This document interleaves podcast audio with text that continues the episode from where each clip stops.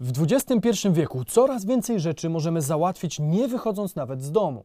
Możemy zamówić zakupy, mieć dostęp do wszelkich zasobów kultury, czy załatwić sprawy w urzędzie, a nawet całkiem dobrze zarobić. W jaki sposób? Policzmy to. Cześć, tu Damian Olszewski. Dzisiaj przyjrzymy się czemuś, co dla wielu stanowi pewnego rodzaju marzenie, czyli pracy zdalnej. To możliwość pracowania w wybranych przez siebie warunkach w domu, kawiarni czy specjalnych przestrzeniach coworkingowych. Realizowane zadania mogą natomiast być częścią projektów z różnych miejsc świata. Kontakt z pracodawcą czy zleceniodawcą, w zależności od tego, jaki typ pracy podejmiemy, również byłby zdalny. Zwykle odbywa się przez telefon, maila czy też poprzez specjalnie skonstruowane do tego aplikacje, takie jak chociażby facebookowy Workplace. Telepraca, bo tak początkowo nazwano to zjawisko, pojawiła się już w latach 70., kiedy popularne stały się telefony w domach. Dzięki nim niektórzy pracownicy nie musieli pokonywać drogi do biura, tylko na przykład wykonywali część obowiązków z domu i byli pod telefonem. Wraz ze wzrostem infrastruktury łączności, rozpowszechnieniem się komputerów czy popularyzacją internetu rosło też jej znaczenie. Praca zdalna stała się czymś, co według szacunków może odciążyć 50 milionów pracowników w samych tylko Stanach Zjednoczonych. Za przykład brano tu pracowników call center, którzy przez swoje firmy zaopatrywani byli w telefony i odpowiednie oprogramowanie do ich komputerów.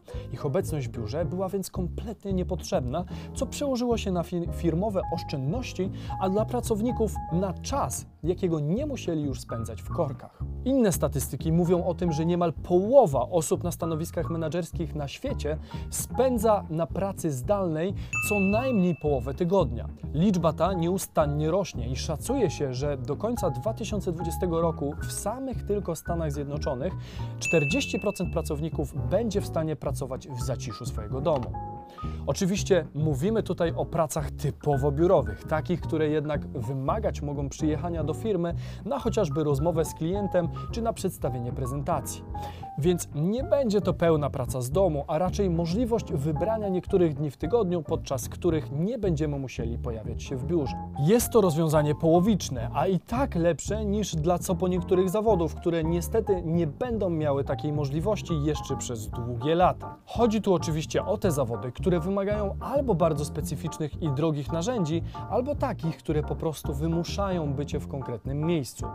Większość zawodów technicznych, gdzie wymagana jest praca na maszynach czy w laboratoriach, a także wszystkie zawody medyczne, czy też praca w transporcie i usługach wiążą się ze stacjonarnością. Po prostu mamy wtedy obowiązek przebywania w określonych miejscach w określonym czasie, a w większości zadań nie da się wykonywać z domu. Istnieje również druga strona, której przecież poświęcony jest ten odcinek, czyli zawody, które już teraz funkcjonują wyłącznie jako te domowe, nie wymuszając obecności w biurze. Na pierwszy ogień wezmę jedno z własnych źródeł dochodu, które wspieracie obecnie oglądając ten odcinek, czyli tak zwanych influencerów. Prowadzenie popularnego Instagrama, którego mam nadzieję obserwujecie, czy też tworzenie odcinków wcale nie wymaga wychodzenia z domu. Jest jednak wiele przykładów osób, które do prowadzenia kanału potrzebowały jedynie części pokoju i kamery, czy też nawet tylko telefonu. Także wszystkie poboczne prace, które potrzebne są do produkcji kanału, są bardzo często idealnym przykładem pracy zdalnej. Sam zlecam takie prace na zewnątrz, bo po pierwsze nie jestem zbyt techniczny, a po drugie umiem robić rzeczy dużo bardziej dochodowe. Dlatego nie skupiam się na podejściu typu Zosia Samosia, tylko na budowaniu zespołu i delegowaniu zadań do własnych lub zewnętrznych podmiotów. Nie zmienia to jednak faktu, że osoby, które ze mną współpracują, również potrafią wykonywać wysoko płatne zadania. O jakich zadaniach mówimy? Na przykład montażyści i graficy. To właśnie jedni z tych pracowników, którzy nie potrzebują biura. Do pełnej gotowości wystarczy im zaledwie odpowiednio dobry komputer i bardzo szybki internet. Większość informacji wymieniają drogą elektroniczną i bardzo często nie posiadają stałego pracodawcy. Są freelancerami, czyli po prostu ogłaszają swoje usługi i czekają, aż zgłosi się do nich ktoś, kto ma potrzebę wykorzystania ich umiejętności. Oczywiście, często mają kilku stałych klientów, którzy podsyłają im regularne zlecenia. Natomiast zwykle posiadają własną firmę i są, jak to mówi stare powiedzenie, sami sobie sterem, żeglarzem i okrętem. Jednak, żeby móc zająć się taką pracą, trzeba mieć już jakiś swój warsztat i co ważne, zbudować jakieś swoje własne portfolio wykonanych zleceń. Zdarza się więc, że montażyści czy graficy, bądź też animatorzy są po prostu hobbystami, którzy robili te rzeczy dla siebie w wolnej chwili.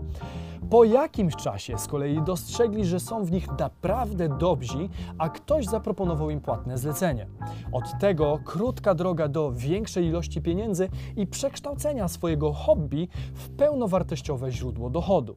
Jeśli brak Wam umiejętności graficznych czy montażowych, to nic się nie stało. Jest jeszcze trochę kreatywnej pracy, którą można wykonywać z domu. Mowa tu chociażby o copywritingu i wszystkich pobocznych dziedzinach. Pisanie artykułów dla różnych serwisów internetowych, pisanie treści stron internetowych, czy nawet poważne dziennikarstwo można uprawiać we własnym domu. Tutaj przydają się jednak kursy, które pozwolą nam zrozumieć na przykład SEO, czyli pozycjonowanie stron w internecie. Ma to spore znaczenie w przypadku, gdybyśmy zdecydowali się na przykład pisać własnego bloga, jednocześnie realizując zlecenia zewnętrzne. Przydaje się też znajomość języków obcych, bo tłumacz może też pracować z domu. Co ciekawe, zleceń na pisanie w językach obcych jest dużo więcej i są lepiej płatne. A jakoś tak przyjemniej zarabia się na przykład w euro, a wydaje w złotówkach. Osoby tworzące teksty mogą tak samo jak graficy posiadać własne wizytówki i strony, aby dotrzeć do docelowego klienta. Istnieje też sporo stron pośredniczących w kontakcie ze zleceniodawcami, z których sam często korzystam jako przedsiębiorca. Warto, abyście na tej drodze poznali takie strony jak Good Content czy UseMe.eu, bo często skracają one dystans między Wami a realnym zleceniem. Tłumaczenie jest szczególnie dobrą opcją dla osób, które chcą zacząć, gdyż niektóre zlecenia wymagają tylko umiejętności czytania i pisania. To zwykle niewielki wymóg. Zresztą pracy, która nie wymaga dużych umiejętności czy wkładu w kursy i szkolenia jest całkiem sporo. Najpopularniejsze, zwane chałupnictwem, bardzo często kojarzą się z pracą właśnie z domu. Przedstawione chociażby w zwycięzcy Oscara, czyli w filmie Parasite, gdzie rodzina głównego bohatera za pieniądze składa pudełka. Dostępne jest też na przykład składanie długopisów czy wykonywanie innej manualnej, nieskomplikowanej pracy. Choć zdecydowanie bardziej radziłbym się Wam skupić na rozwijaniu wysokopłatnych umiejętności, to potrafię zrozumieć, że można chcieć dorobić w ten sposób parę groszy. Może być to szczególnie istotne, kiedy nie mamy możliwości podjęcia jakiejś bardziej stałej pracy ze względu na przykład na chorobę, studia czy nawet opiekę nad dzieckiem. Tutaj jednak pojawia się problem natury ludzkiej uczciwości. Często za ogłoszeniami dotyczącymi chałupnictwa czają się firmy, które szukają osób chcących e, zostać panami własnego czasu i zarabiać tysiące pracując 15 minut dziennie. Nie wierzcie w takie brednie, a podejmując taką dorywczą pracę, zastosujcie zasadę ograniczonego zaufania. Na szczycie pracy z domu, jeśli chodzi o zarobki, rzecz jasna, cały czas stoją zawody, które wymagają bardzo dużych kompetencji czy też środków. Można zarabiać na przykład na kryptowalutach czy giełdzie, nie wychodząc z domu, co umożliwiają nam liczne serwisy i usługi. Można też kupować, remontować i z zyskiem sprzedawać nieruchomości lub wynajmować je zainteresowanym. W tym biznesie również większość zadań można wykonywać z domu, zlecając te stacjonarne projektantom, ekipie remontowej czy pośrednikom. Zresztą często sam z tego korzystam, zostając sobie w mieszkaniu z żoną i synem. Możecie też zostać bardzo dobrym programistą i z własnego domu tworzyć kolejne linijki kodu. Tworzenie różnych programów czy na przykład administrowanie serwerami nie wymaga naszej fizycznej obecności przy kliencie. Rzecz jasna, odnosi się to do pracy z softwarem, gdyż praca z hardwarem wymaga od nas bycia w miejscu, gdzie jest sprzęt.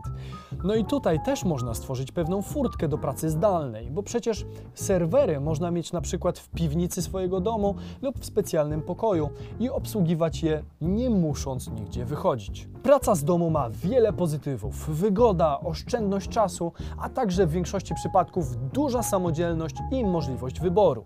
Warto jednak zaznaczyć również jej wady. Pierwszą i najważniejszą, która dotyka wielu ludzi na samym początku, jest tak zwana prokrastynacja. Dom to miejsce odpoczynku, gdzie zazwyczaj relaksujemy się, jemy albo śpimy. Zawsze też znajdzie się w nim coś do zrobienia, bo każdy chyba miał taką sytuację, w której zamiast uczyć się na przykład do jakiegoś egzaminu, wolał posprzątać pokój albo przejrzeć po raz setny książki na półce. Praca z domu wymaga samodyscypliny i umiejętności zarządzania własnym czasem. To są z kolei rzeczy, które nie każdy potrafi opanować. Co ciekawe, istnieje też zjawisko odwrotne, objawiające się brakiem możliwości odpoczynku w domu. Ciężko jest wstać do pracy w jednym rogu pokoju i usiąść za chwilę w drugim, nie zerkając gdzieś tam ukradkiem co chwilę na stanowisko pracy z myślą, tyle jeszcze jest do zrobienia. Innymi problemami może być brak kontaktów z ludźmi, a więc brak socjalizacji i spadek nastroju. Siedząc zamknięci we własnym domu, bez konieczności wychodzenia, nie będziemy poznawać nowych ludzi, a to negatywnie wpłynie na nasze samopoczucie. Pomijając to, że niekiedy wymiana maili i telefonów niewiele daje i czasem trzeba komuś coś naocznie pokazać palcem. Powiem więcej, brak kontaktu z drugim człowiekiem nie tylko wpływa na nasz nastrój, ale również ogranicza nasze możliwości biznesowe. Czy chcemy, czy nie, biznes to ludzie, a ludzie są jak otwarta książka, z której można wiele ciekawego się nauczyć. A więc w jakiejkolwiek przestrzeni zarobkowej znajomość właściwego człowieka może okazać się niesamowicie przydatna. Z doświadczenia wiem, że często otwiera ona drogę, której sami mogliśmy nawet nie dostrzegać. Jeszcze inną przeszkodą w pracy z domu jest to, że może nie być stabilna i przewidywalna, zwłaszcza jeśli pracujemy jako freelancerzy. Może się tak zdarzyć, że w jakimś miesiącu zleceń będzie niezwykle mało, a my znajdziemy się pod kreską. To dość nieprzyjemna sytuacja. Taka praca może więc zmusić nas do niezwykle rygorystycznego planowania budżetu. Z tyłu głowy mając obawę, że kiedyś przyjdą te suche, biedne miesiące. Jak to zazwyczaj z tego typu pracą bywa, nie można jej definitywnie ani polecić, ani odradzić. Część ludzi w niej się odnajdzie i będzie wykonywać swoje obowiązki dużo lepiej z domu. Kto inny z kolei lepiej sprawdzi się w biurze z resztą pracowników. Warto jednak pamiętać, że praca z domu to możliwość, która wcale nie jest mało dostępna. W dobie rozwijających się technologii będzie jej coraz więcej, a firmy równie chętnie będą się pozbywać kosztu stacjonarnych placówek. A jeśli już mowa o kosztach, to jedynym, jaki warto, abyście ponieśli, jest koszt energii przeznaczonej na kliknięcie przycisku subskrybuj. Skoro doszliście do samego końca tego odcinka, to zakładam, że moglibyście też chcieć przesłuchać mój podcast tutaj oraz zobaczyć kolejny odcinek tutaj. Jeśli nadal to oglądasz, to zostałeś również wybrany do napisania komentarza pod odcinkiem o treści Czysty Zysk. Dla zaangażowanych mam niespodziankę. Do zobaczenia za tydzień. Cześć!